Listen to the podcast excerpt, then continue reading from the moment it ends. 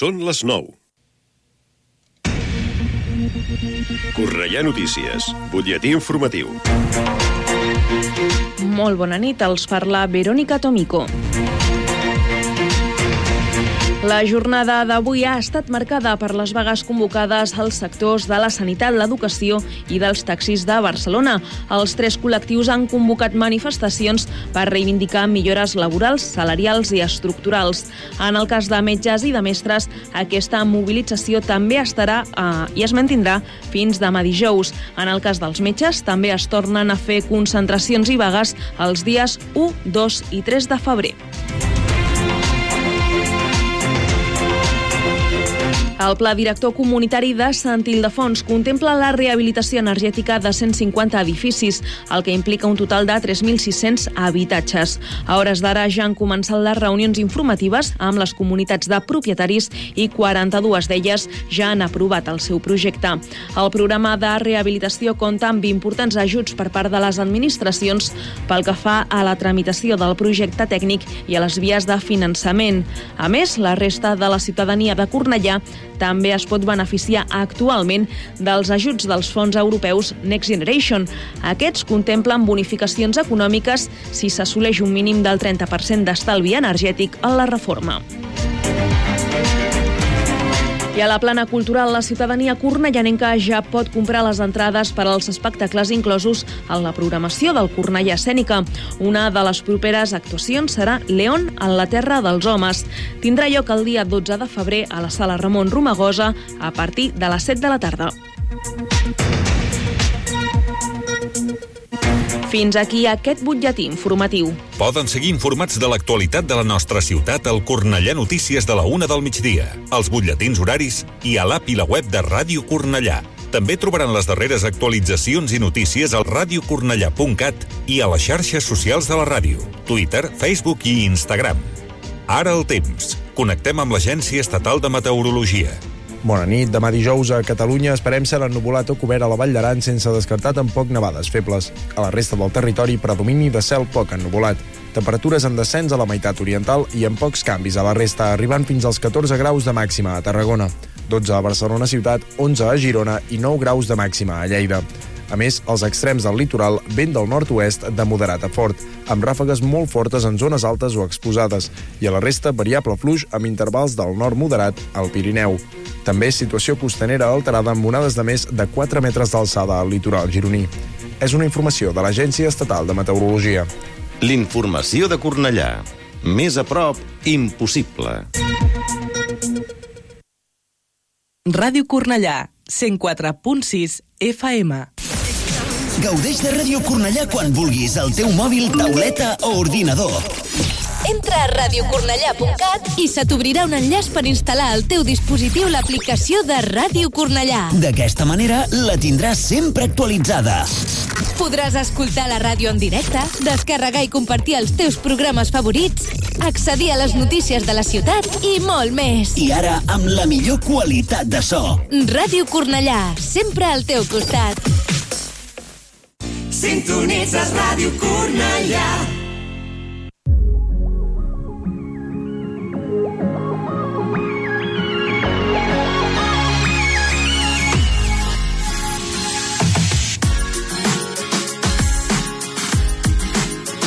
Ara comença Let's Go Creu Roja, mitja lluna roja i cristal roig, amb el patrocini de Conxeroria Montserrat.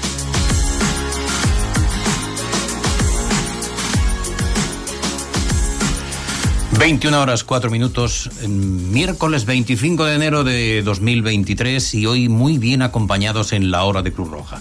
Hoy estamos con Emilio Aguilar, que nos ha venido a acompañar hoy, que también disfrutamos de él hace dos semanas con Rosa María Pastor, cuando yo os di el salto. ¿eh? Eh, Nora Bacari, ¿qué tal? Buenas noches. Buenas noches. Eh, Mark Ford al control y con vosotros, como siempre, Joan García. Eh, hoy tenemos eh, grandes noticias, como todos los miércoles. Hablaremos de unos primeros auxilios muy realistas, porque de alguna manera plantean una escenificación clara de lo que ocurre o lo que puede ocurrir en una situación de emergencia. Para esos primeros auxilios y eso lo hacen como si fuesen verdaderos actores y actrices de cine, algunos de los voluntarios de Cruz Roja. Hablaremos de violencia de género, concretamente una semana mm, terrorífica, mm, desgraciadamente repetitiva, las, las situaciones que se dan en torno a estas, eh, digamos, eh, malos momentos de muchas personas. El derecho a la vivienda y su arrendamiento nos eh, ilustrará nuestra compañera Mayalén Prieto de las ventajas de conocer realmente los derechos de cada uno a la hora de arrendar una vivienda. Olga Yorsi y sus adivinanzas, como siempre, con esa especie, digamos, de de, aquellas, aquellas fórmulas que utiliza siempre con su voz melódica ¿eh? de, Argentina y nos dice concretamente que, que, no vamos a encontrar cuál es la solución. Y hoy la solución es difícil. Hoy la solución es difícil. Adivinanzas también, se tratan las geográficas de nuestra compañera Mayalén, que nos invita a, después de darnos una serie de datos importantes desde el punto de vista geográfico, económico, etcétera, etcétera, del, punto al, que pretende eh, que acertemos, pues hemos de acertar. Y también desvelaremos la de la semana pasada, que también nos, de alguna manera nos sirvió un poco de pauta. Esta semana sí, digo, porque la semana anterior no pudo entrar en el programa, pero esta semana sí que estará en cómo evitar el, envejecimiento mental con la doctora psiquiatra Marían Rojas Estapé.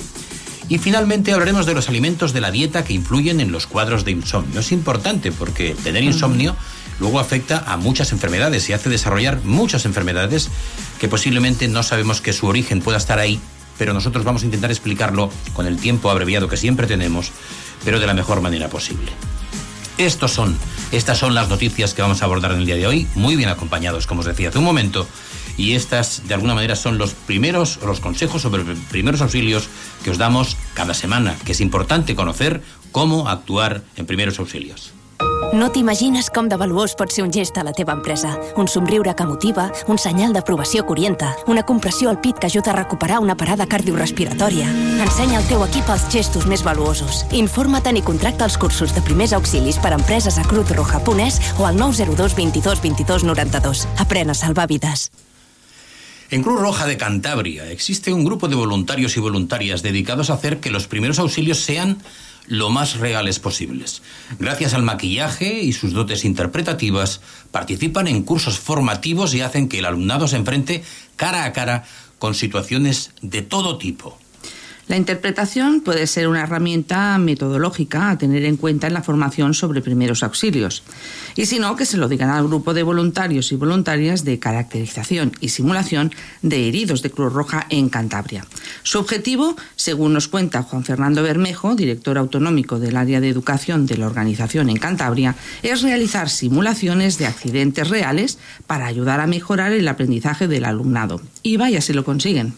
Gracias al maquillaje y sus como actores y actrices, las 10 personas voluntarias que integran este grupo participan en cursos sociosanitarios internos y externos y en simulacros junto al área de socorro para ofrecer un plus educativo y hacer que las situaciones que ve el alumnado sean lo más realistas posibles. La idea, que surgió hace ahora 13 años, es todo un éxito en la actualidad y los propios alumnos y alumnas son los que admiten que gracias a ella son capaces de aplicar mejor los conocimientos teóricos adquiridos. Reconocen que aprenden mucho más. Para escenificar estas situaciones se solicita primero a la persona que va a impartirle el diseño de, un caso práctico. A veces es una persona herida, otras eh, varias otras veces son varias y hay de todo, desde accidentes de tráfico hasta personas heridas en un edificio en llamas, pasando por una pelea en una escalera. A partir de esos casos se determina el tipo de lesiones, quemaduras, hemorragias, cuchillos clavados, un golpe en la cabeza, etc. Y no solo se queda ahí el grupo de caracterización. El realismo, el es tal que incluso se escenifica lo que sucede alrededor del suceso, los aciertos y desaciertos del público espectador. Es lo más real posible, de forma que los alumnos también se ven obligados a poner en marcha prácticas de primeros auxilios psicológicos, como saber gestionar los problemas de ansiedad que se pueden dar a veces en familiares o lidiar con vecinos que se pueden poner agresivos, por citar algunos ejemplos. El boca a boca es tal que, aunque en principio el grupo se formó para atender cursos dentro de Cruz Roja, hoy en día también participa en formaciones que se hacen fuera de la casa, en entidades, universidades o incluso con el gobierno de Cantabria. Van oyendo sobre él y está bastante solicitado, concluye Bermejo. Los primeros auxilios nunca han sido tan realistas, ciertamente. Ansiedad, insomnio, depresión. Llamar a las cosas por su nombre es de valientes. Pedir ayuda, si lo necesitas, también. Cruz Roja te escucha. Llámanos 900 107 917.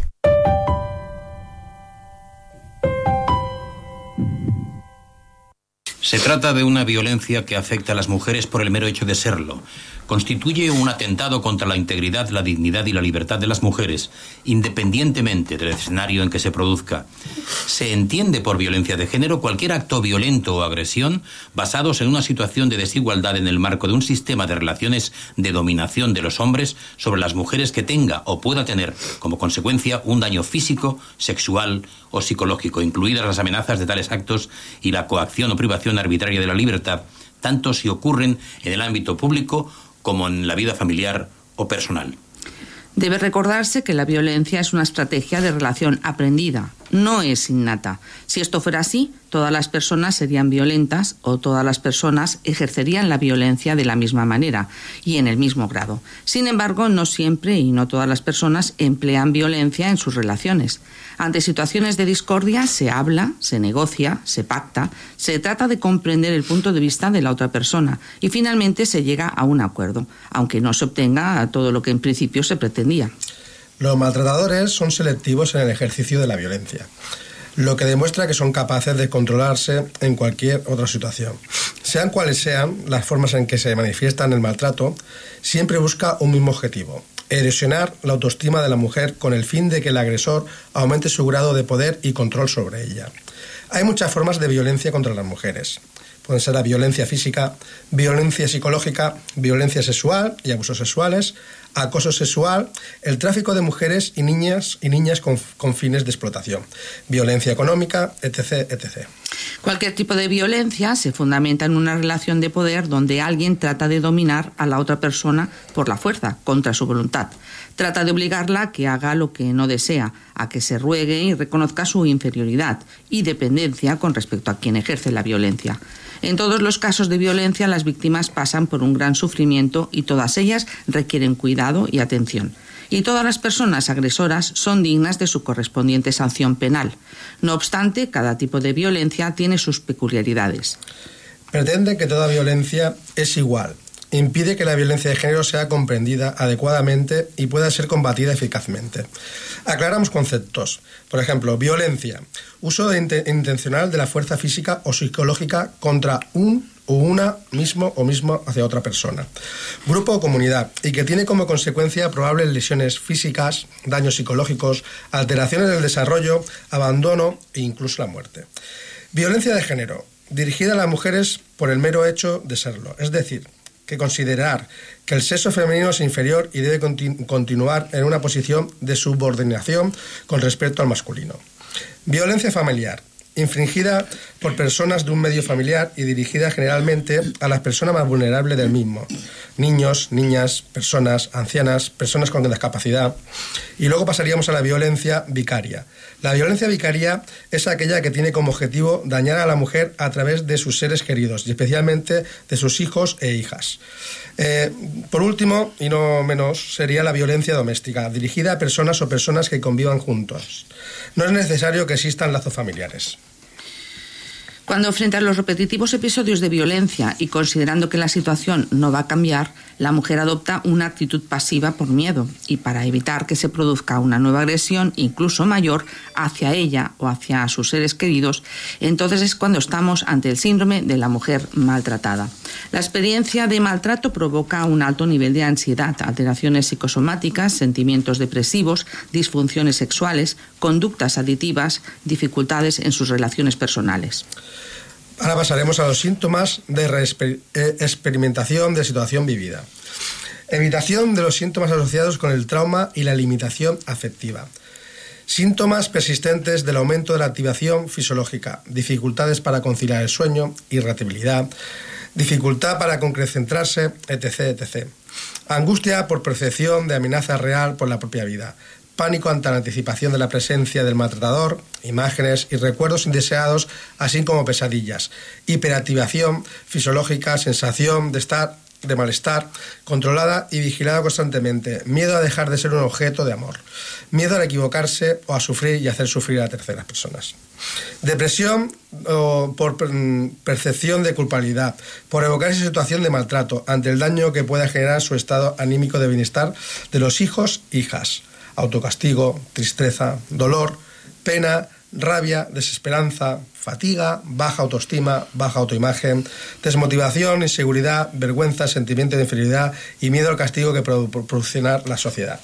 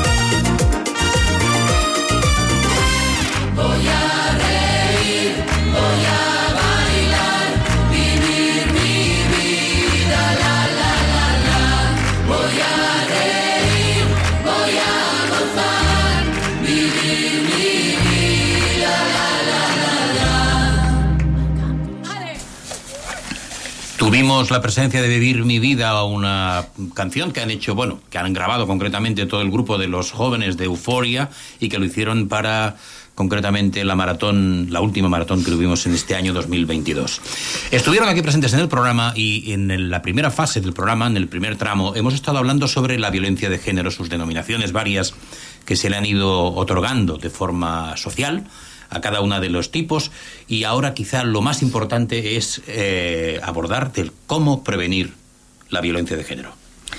Una buena forma sería educando, ¿no? Educar a los niños y niñas desde las edades más tempranas en una cultura centrada en la resolución pacífica de conflictos, fomentar la empatía y desarrollar una autoestima equilibrada. Son principios que favorecen la desaparición de los perjuicios de género que se dan ya desde la escuela eliminar al máximo los estereotipos transmitidos por la cultura patriarcal. Por lo tanto, enseñar a ser persona en lugar de enseñar a ser hombre o a ser mujer. Y así desterrar mitos como que la agresividad es un rasgo masculino o, por el contrario, la sumisión, el silencio, la obediencia son rasgos femeninos. Esos son buenos objetivos de la coeducación. Además, se debe evitar todo menosprecio hacia aquellos chicos u hombres que no se adaptan al modelo de la masculinidad dominante. Evitar todo menosprecio hacia aquellas chicas o mujeres que no se acomodan al modelo de la feminidad dominante. También enseñarles a los niños y a los hombres a incorporar a sus vidas la vivencia y expresión de los propios sentimientos y emociones que enriquecen sus relaciones personales. Y así favorecer la resolución de conflictos sin recurrir a comportamientos violentos por medio del diálogo, del acuerdo, de la negociación. Desarrollar una buena autoestima que capacite a las niñas y niños para adoptar una actitud resuelta ante la vida y sus desafíos a asumir responsabilidades y enfrentarse con seguridad a los problemas. Eh, ¿Por qué tantas mujeres les resulta difícil salir de una situación con violencia de género? El maltrato es un proceso cíclico que se inicia poco a poco, como un goteo de pequeños episodios que parecen insignificantes, pero que no lo son. El ciclo comienza con una primera fase de acumulación de la tensión, como agresiones verbales y psíquicas, en la que la víctima va percibiendo cómo el agresor va volviéndose más susceptible, respondiendo con más agresividad y encontrando motivos de conflicto en cada situación. Una segunda fase supone el estallido de la tensión, en la que la violencia se vuelve más virulenta, dando cabida a la agresión física. En la tercera fase, denominada luna de miel o arrepentimiento, el agresor pide disculpas a la víctima y trata de mostrar su arrepentimiento. Esta fase se va reduciendo con el tiempo, siendo cada vez más breve hasta desaparecer. Este ciclo en el que el castigo, es decir, la agresión, le sigue el episodio de arrepentimiento, es decir, cuando eh, se te hace saber que no volverá a ocurrir, que todo cambiará, pues lo que hace es alimentar la ilusión del cambio. Esto puede ayudar a explicar la continuidad de la relación por parte de la mujer en los primeros momentos de la misma. Al mismo tiempo que el agresor muestra su arrepentimiento, puede ocurrir que simultáneamente excuse su conducta culpabilizando a la víctima. Si tú no hubieras hecho, yo no lo haría. De modo que la mujer acaba dudando de cualquier cosa que hace o piensa. En definitiva, acaba dudando de ella misma. Es habitual que hasta que la mujer tome la decisión definitiva de salir de una relación violenta, pase por un periodo de reflexión e incluso manifieste varios intentos. Durante este proceso habrá mujeres que hayan solicitado ayuda terapéutica y otras no. A partir de su decisión de romper con la situación de violencia, el apoyo psicológico se centrará en varios aspectos, partiendo siempre desde una valoración previa de las necesidades y demandas particulares de cada mujer, determinando cuáles son las secuelas concretas producto de la situación vivida. Se evaluará su dimensión y se graduará para establecer un orden para el tratamiento. Algunas de las intervenciones más habituales y básicas para su recuperación son Informar sobre la violencia de género, causa, origen y mitos. Reducción de la activación y de la ansiedad en las formas que se manifiesten como insomnio, agrofobia, crisis de pánico. Fomento de autonomía, tanto a nivel psicológico a través de un cambio de ideas distorsionadas sobre ella misma y el mundo como a nivel social, económico, etc. Orientación en la búsqueda de empleo, recuperando apoyos sociales y familiares. Recuerda que ninguna mujer debe permanecer en una relación en la que no sienta, se sienta respetada como persona ni se le reconozca como un igual. Puede buscar ayuda en los centros de, información de las mujeres, asociaciones especializadas que te informarán y apoyarán en actuaciones que debes llevar a cabo. Oh.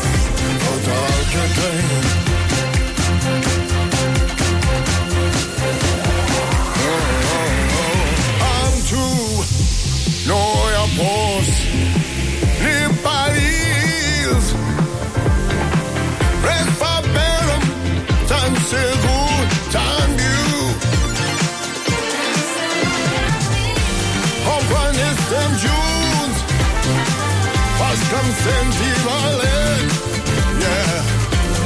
Dingus a come true. Werd. Ja, ding. Yeah.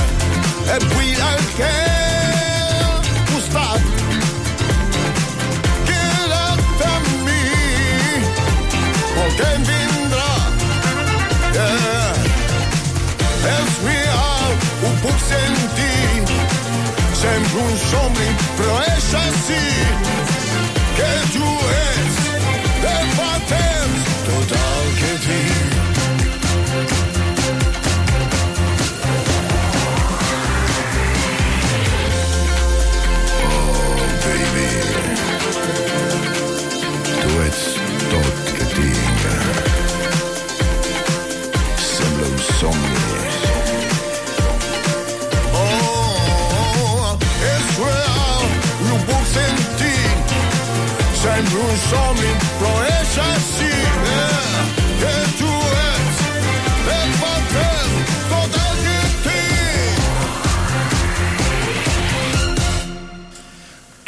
Tot el que tinc. És el nom de la cançó que li han posat en català, precisament cantada per l'Exter en, el, en la marató de l'any 2022.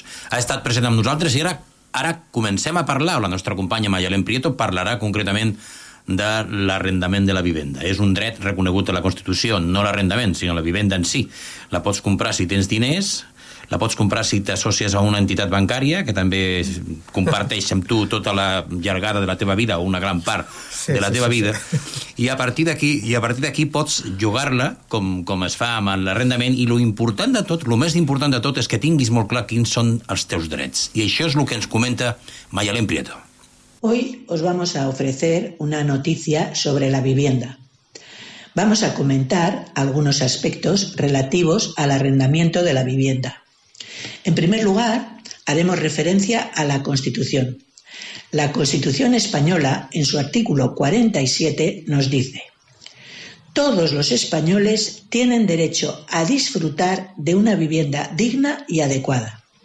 Los poderes públicos promoverán las condiciones necesarias y establecerán las normas pertinentes para hacer efectivo este derecho, regulando la utilización del suelo de acuerdo con el interés general para impedir la especulación.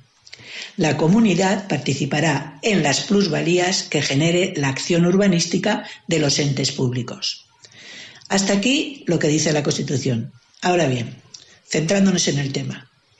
El Gobierno ha aprobado una batería de medidas para blindar el derecho a la vivienda que vienen a reforzar el escudo social desplegado para proteger a los inquilinos, limitar el alza de los, alquileres y restringir los desahucios y lanzamientos en el 2023. Nos referiremos exclusivamente al arrendamiento. En este sentido, el texto incluye una prórroga extraordinaria de seis meses de la vigencia de los contratos de alquiler que finalicen antes del 30 de junio del 2023, siempre a petición del arrendatario, es decir, del inquilino. Durante esos seis meses se seguirán aplicando los términos y condiciones establecidos para el contrato en vigor, es decir, el contrato que está en uso en ese momento. El arrendador deberá aceptar la solicitud de prórroga salvo que se hayan fijado otros términos o condiciones por acuerdo entre las partes o que éste haya comunicado en tiempo y forma que necesita la vivienda para destinarla a vivienda permanente para sí o sus familiares en primer grado de consanguinidad, o por adopción o para su cónyuge en los supuestos de sentencia firme de separación, divorcio o nulidad matrimonial. La renta del contrato aplicable durante esta prórroga extraordinaria no podrá suponer un incremento, superior a la variación anual del índice de garantía de competitividad, que será como máximo un 2%. Asimismo, se prorroga hasta el 31 de diciembre de 2023 la limitación de la actualización anual de la renta de los contratos de arrendamiento de vivienda que impide subidas superiores al 2%. Desde la entrada en vigor de este Real Decreto Ley hasta el 31 de diciembre de 2023, la persona arrendataria de un contrato de alquiler de vivienda habitual cuya renta deba ser actualizada porque se cumpla la correspondiente actualidad de vigencia de dicho contrato, podrá negociar con el arrendador el incremento que se aplicará en esa actualización anual de la renta.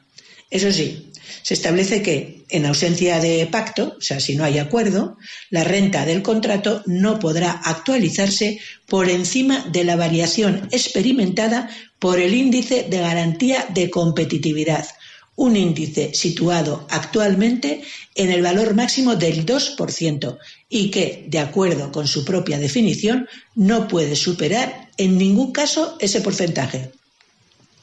La cuantía del incremento a aplicar en la renta del contrato será la establecida en un nuevo pacto entre arrendador y arrendatario.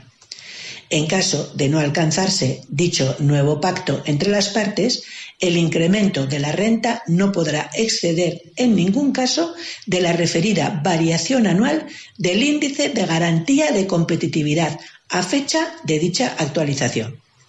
Además, se sigue manteniendo que en el caso de que el arrendador sea un gran tenedor, el pacto a alcanzar entre propietario e inquilino no podrá suponer un incremento superior a la variación anual del índice de garantía de competitividad, tomando como mes de referencia para la actualización el que corresponda al último índice que estuviera publicado en la fecha de actualización del contrato, que, como se ha señalado anteriormente, no puede superar el 2%. Se entiende como gran tenedor aquella persona física o jurídica, es decir, eh, que sea una sociedad anónima, una sociedad limitada, que sea titular de más de 10 inmuebles urbanos de uso residencial o una superficie construida de más de 1.500 metros cuadrados de uso residencial, excluyendo, en todo caso, garajes y trasteros. Hasta aquí, hoy hemos realizado un pequeño resumen sobre la actualización del arrendamiento de vivienda. Esta ha sido una introducción bastante extensa por parte de nuestra compañera Mayalén Prieto sobre el tema del derecho a la vivienda y el arrendamiento y yo os voy a añadir algo importante y es que el gran tenedor, esas empresas que se dedican al arrendamiento de bienes inmuebles, cuando tienen más de 10 inmuebles en arrendamiento, no sé si lo sabéis, pero tienen un tratamiento fiscal especial. Primado y bajo. Lo que quiere decir que si tenemos que abaratar el arrendamiento, lo primero que tendrían que hacer es no premiar a quien tiene una ventaja fiscal en contra de que el que no tiene aquel dinero para aportarlo a un arrendamiento. Por tanto, ese sería un cambio importante desde el punto de vista político y legislativo y sería un cambio importante precisamente para luego además incluir en los contratos de arrendamiento de las personas llanas de la calle, del trabajador de a pie, el que pudiese deducirse una parte del arrendamiento en la declaración de renta. Otra cosa que no quieren los políticos porque no les interesa. Pero eso sí, así sí se, se abarata el arrendamiento. Así sí. Y se sabe y se sabe el que se está pagando y el que no se está pagando. Así sí que sabremos de alguna manera que hay arrendamientos que no, no, no afloran, no se sabe que existen, porque se hacen pagos, eh, digamos, no controlados o por medios de pago que no están controlados, y sabremos que tendremos ventajas y sabremos cuánto se arrienda y cuánto se deduce uno y cuánto cobra el otro. Entonces sabremos realmente que será un mercado transparente. Pero esa transparencia no es difícil, es simplemente querer.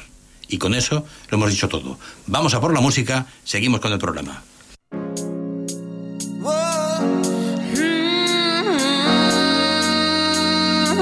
It's a human soul.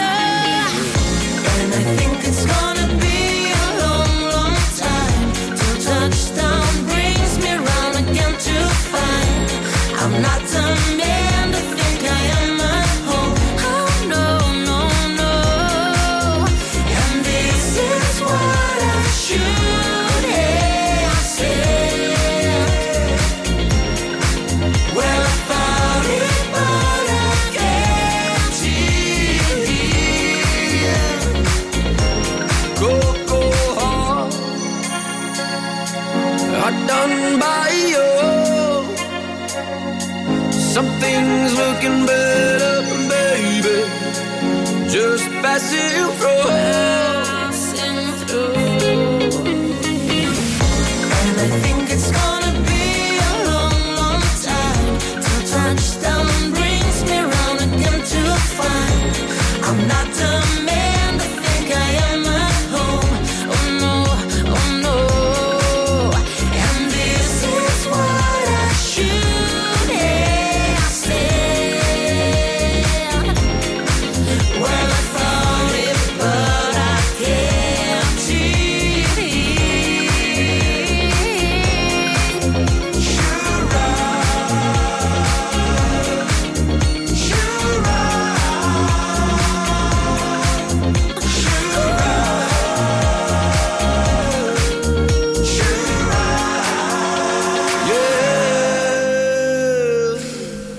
21 horas 38 minutos, estamos en la hora de Cruz Roja, como decía en el inicio del programa, muy bien acompañados, y eh, llegó el momento de saber cómo resolver las adivinanzas de Olga Yorsi. Eh, tenemos la adivinanza de la semana anterior, que decía algo así como, la complicada además, ¿eh? La complicada, tenéis que saber Sí. la solución. Decía esto, Aún sin ser nunca soldado, con el tiempo llega a cabo. Aún sin ser nunca soldado, con el tiempo lleva a cabo, Llega a cabo. o llega a cabo. Llega a cabo. Llega, llega. Llega a cabo. ¿Y cuál es la solución, compañeros? Yo creo que es la vela, ¿no? La vela, la vela, La pero... vela, la vela. ahí queda, ahí queda. A ver, a ver, a ver. Eso nos ha dicho nuestra maga especial Olga Giorgi, que se, se trataba de la vela y nosotros somos muy obedientes. Y esta es la adivinanza para adivinar de la semana próxima. ¿Cuál es la casa formada por vestidos de animales? Cinco hermanos desiguales hacen en ella morada para librarse de males. Recordad que tenéis que dar la solución al 666 88 88 21 sin perjuicio de que, eh, por favor, control, Mark, si la podemos repetir, 666 88 88 21, una solución mediante un audio y premio Cruz Roja, hora de Cruz Roja. ¿Cuál es la casa formada por vestidos de animales? Cinco hermanos desiguales hacen en ella morada para librarse de males. Bien, ahí queda, ahí queda. El teléfono es el 666 88 88 21. Un breve audio diciendo me llamo tal, eh, creo que la solución es tal y automáticamente nosotros te diremos que el premio es tuyo. Eh, esas eran las adivinanzas de Olga Giorgi, pero nosotros tenemos a nuestra compañera Mayalen Prieto que además de informarnos jurídicamente del arrendamiento y el derecho a la vivienda, también le gusta el hacernos pensar y en saber exactamente, o por lo menos, a dónde hemos, dirigirnos, eh, hemos de dirigirnos cuando nos plantea un punto geográfico español, evidentemente, suerte de eso, que está aquí recogido Bastante el país. complicado. Sí, español, o sea, aquí no, no, no hay ninguno que esté fuera de las fronteras. Y, y que nosotros hemos de adivinar. La semana anterior nos estuvo describiendo de una manera similar a como lo va a hacer ahora, y eh, el resultado lo diré después de lo que va a hacer ahora, porque esto que va a hacer ahora va a ser la adivinanza para la semana que viene, la cual también podéis eh, resolver a través de un audio al 666 88 88 21. Y esa, esa, ese detalle y geográfico para intentar localizar el punto, el punto en el que ella nos quiere enclavar es este. Vamos con la adivinanza sobre geografía. A ver quién adivina este municipio y en qué comunidad se encuentra. La distancia entre esta ciudad y Cornellá es aproximadamente de 986 kilómetros por carretera. Para recorrer el trayecto se tardaría entre unas 8 horas 53 minutos aproximadamente. Esta población es hoy conocida por sus afanados vinos. Desde 1992 se le llama Ciudad Antigua del Vino. Desde la década de 1980 ha adquirido cierta tradición como centro productor de cava. Es un municipio muy monumental, de conventos y ermitas. Sobre el lugar que ocupó antiguamente el viejo casino, se construyó en 1924 el Círculo Mercantil. Su fachada se basa en pilastras, molduras, decoración en bajos relieves y cerámica vidriada. Entre sus platos típicos tenemos las megas, el calderete, la sopa de tomate con uvas, el cochinillo con aceitunas negras. Mm, Estos son sus platos eh, típicos, entre otros. Eh, a ver quién se atreve a llamar dando el nombre de eh, esta importante eh, ciudad y en qué comunidad se encuentra. Dos datos importantes. Se encuentra a 900 y algo, 940, 950 kilómetros de Cornellá. Y se fabrica cava. Ojo al dato, que es el único punto geográfico fuera de Cataluña ¿Dónde donde se hace cava? se hace el cava. La solución la semana que viene. Ahora sí, os doy la solución de la semana pasada. La solución de la semana pasada yo la cogí por el- lo del paraguas. No te olvides el paraguas si no quieres mojarte. Era Vigo. Vigo, Vigo. Vigo. 21 horas 43 minutos y tenemos la presencia de la doctora Marian Rojas Estapé que nos habla co- de cómo evitar el envejecimiento. Hay una parte que es la normal, es decir, que es lo normal, y cuando digo normal es que es lo fisiológico, es como dices, te haces mayor y creces, pues esto es fisiológico. Entonces hay cosas que van a suceder físicas eh, que, vamos todos a notar y cognitivas. Pues esto que te decía, pues perdemos memoria, pues perdemos reflejos, pues que- perdemos cambios en la, ca- en la capacidad de equilibrarnos físicamente o despistes, estamos más lentos, asociamos peor, recordamos peor, parte normal.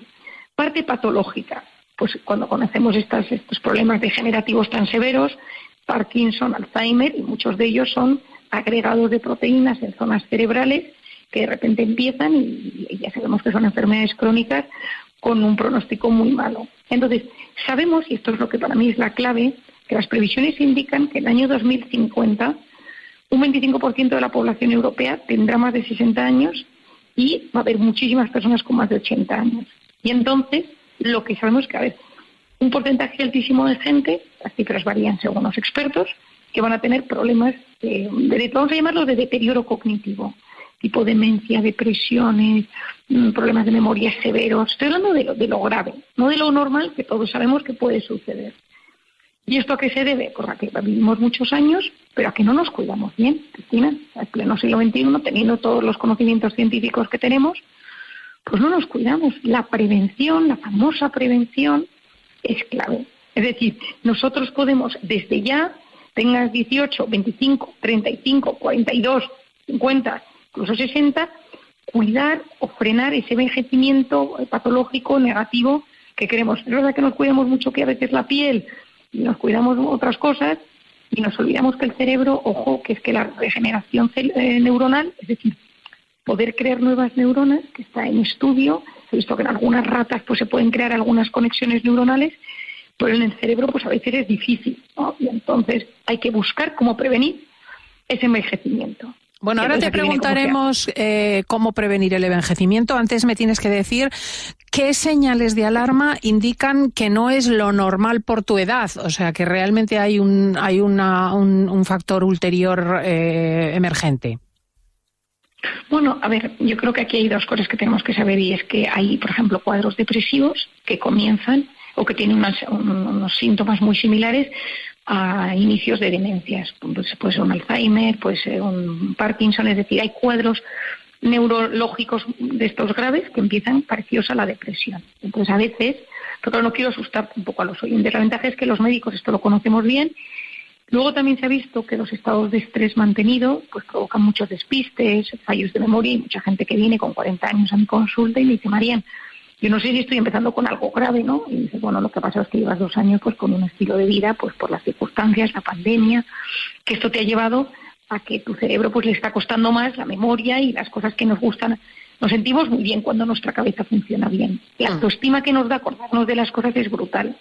Y entonces, si tú de repente tienes 40 años y ves que no te empiezas a acordar de las cosas, hay una especie de vértigo, tu médula espinal te da un pequeño grito y dices, ay Dios mío, ¿qué me está pasando? Entonces, bueno, yo lo que eh, muchas veces digo, pregúntale a un médico, ¿no? Si de repente estás un poco preocupado porque notas muchos despistes, fallos de memoria, te quedas en babia, eh, notas que la cabeza te responde mal, consulta. Y esto en, una sesión con un médico, neurólogo, psiquiatra, eh, geriatra, eh, internista, muchas veces nos, pues, nos tranquilizan, nos dan pautas, nos mandan a un especialista y esto se va viendo. Pero tampoco es una cosa de alarmarse, pero hay que cuidarlo. Sobre todo hay que prevenirlo. Cuando llega, llegó, pero sobre todo es que podemos prevenirlo, Cristina, y esto es... Pues vamos a la parte esta que yo creo es la, que, la que más interesa a nuestros oyentes. ¿Cómo prevenir este deterioro, este envejecimiento mental cerebral? Primero, yo te diría que es el sueño. Hay que dormir cada uno las suyas, unas 7, 8 horas al día, y es que el buen mantenimiento del ciclo de vigilia-sueño es esencial para muchas funciones cerebrales. Pues porque eliminamos toxinas, porque pasamos al sistema nervioso parasimpático y nuestro cerebro potencia su sistema inmune. Es decir, nuestro cerebro funciona mejor cuando dormimos mejor. Personas que duermen mal, crónicamente mal, o personas que llevan toda su vida tomando pastillas para dormir porque no consiguen dormir bien, tienen más riesgo. Segundo es la dieta. La dieta es fundamental para envejecer de forma saludable. Y esto es lo que sabemos, la dieta mediterránea que es muy buena, pues el pescado, todo lo que es legumbres, eh, frutas, cereales, cuidado con los ultraprocesados, cuidado con el azúcar. Es decir, hay que cuidarse, no obsesionarse, pero sí cuidarse. Porque al final, parte del deterioro, pues a veces pueden ser microinfartos. Y esos microinfartos vienen por colesterol en la sangre y eso viene pues, pues por esas dietas malas, por ese azúcar en exceso. Entonces, cuidar la dieta. Y si no sabemos, preguntar, leer. Ahora hay muchísimos especialistas, mm, eh, personas que se dedican a esto, que hacen divulgación, libros muy buenos al respecto, eh, que se dedican y que te ayudan y que te dan pautas eh, concretas y son muy útiles. Luego el tema del ejercicio. Cristina, esto para mí es de lo más importante. Cuando nos movemos, activamos una sustancia en nuestro cerebro que se denomina BDNF. Tiene un nombre un poco así, factor neurotrófico derivado del cerebro, pero esto se va a poner muy de moda porque se están buscando fármacos que lo estimulen.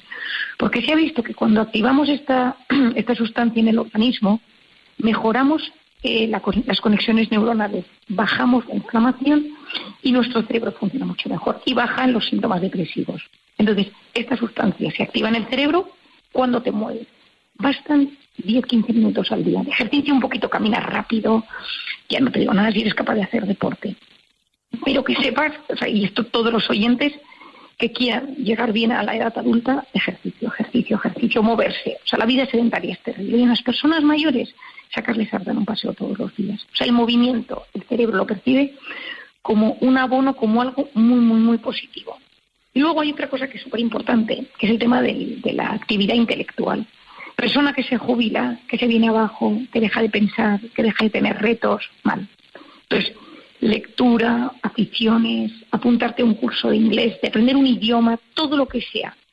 Una, una ambición intelectual es buena, porque el cerebro necesita que lo estimules. Mi padre tiene una frase que dice, la lectura es al cerebro lo que el ejercicio físico es al cuerpo. Es decir, si tú lees, si tú te formas, si sigues teniendo ganas de aprender, es mucho más difícil que tu cerebro te pegue una mala pasada y empiece con algo, con algo negativo.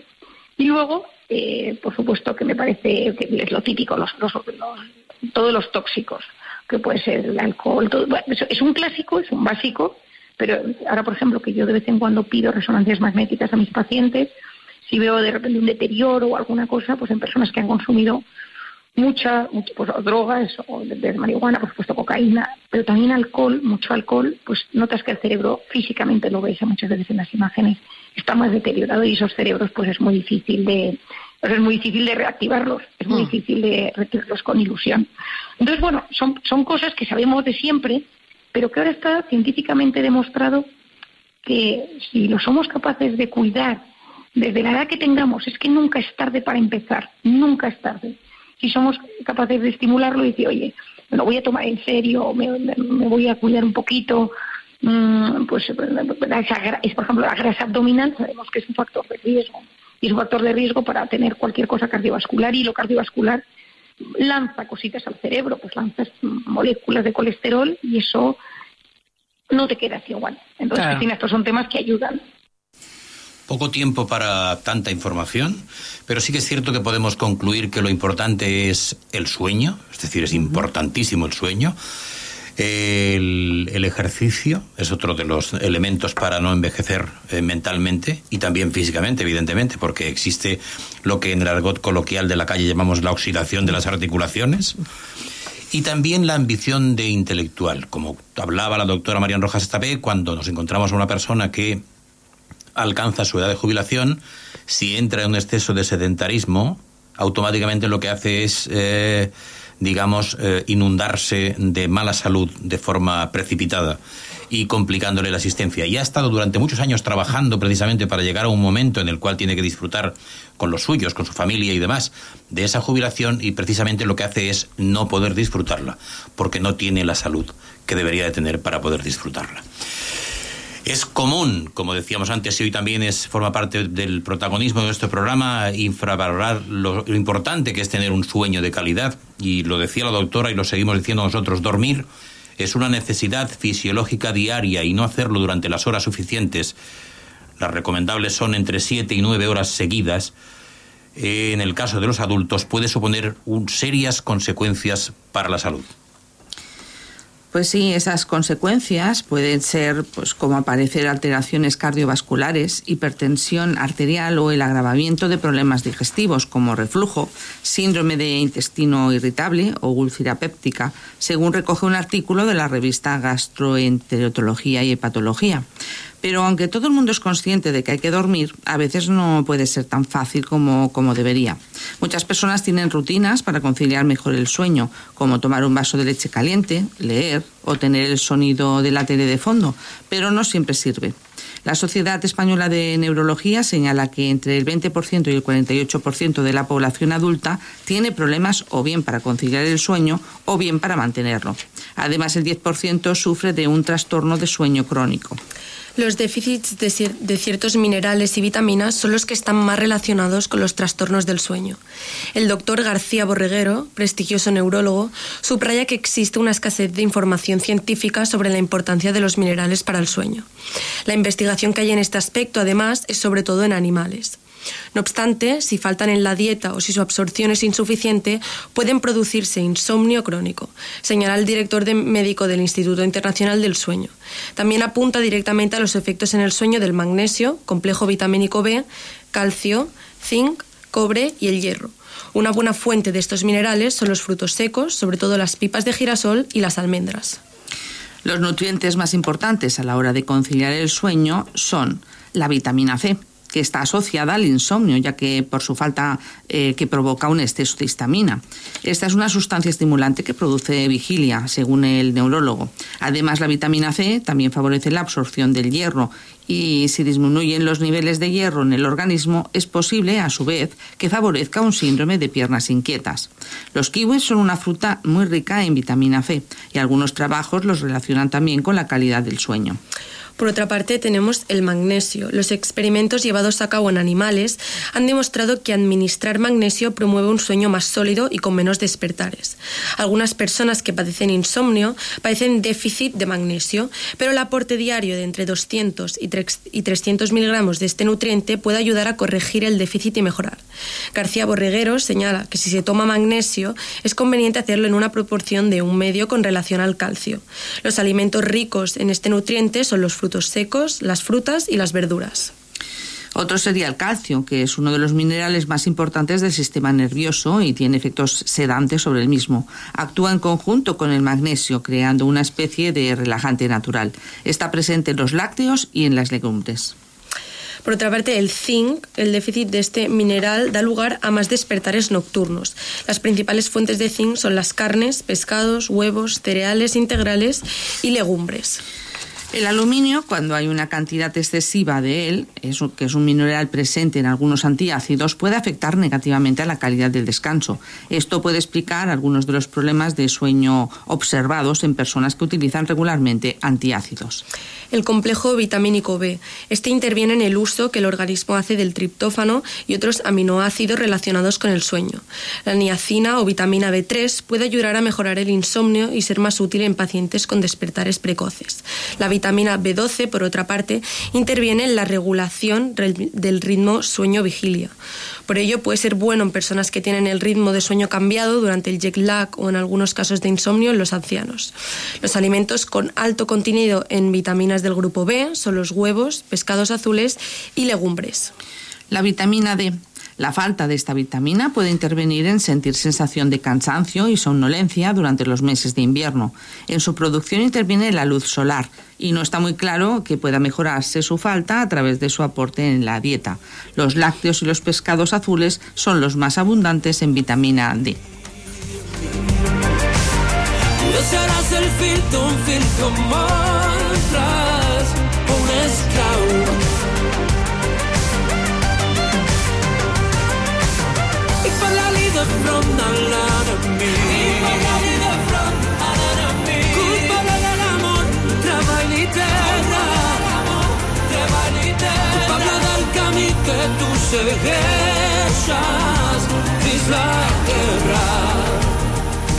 Hemos arribat al punt y final, hemos llegado al punto y final. Gracias, Nora Bacari. Gracias, Rosa María Pastor. Gracias, Gracias. Emilio Aguilera. Y gracias, Marford. Hemos estado con vosotros, con ustedes, durante una hora. Ha sido la hora de Cruz Roja eh, del miércoles 25 de enero de 2023 y esperamos, esperamos estar con vosotros la próxima semana, el próximo miércoles, aquí en el 104.6 de la FM, Radio Cornella. Gracias y un abrazo. Buenas noches. Buenas noches.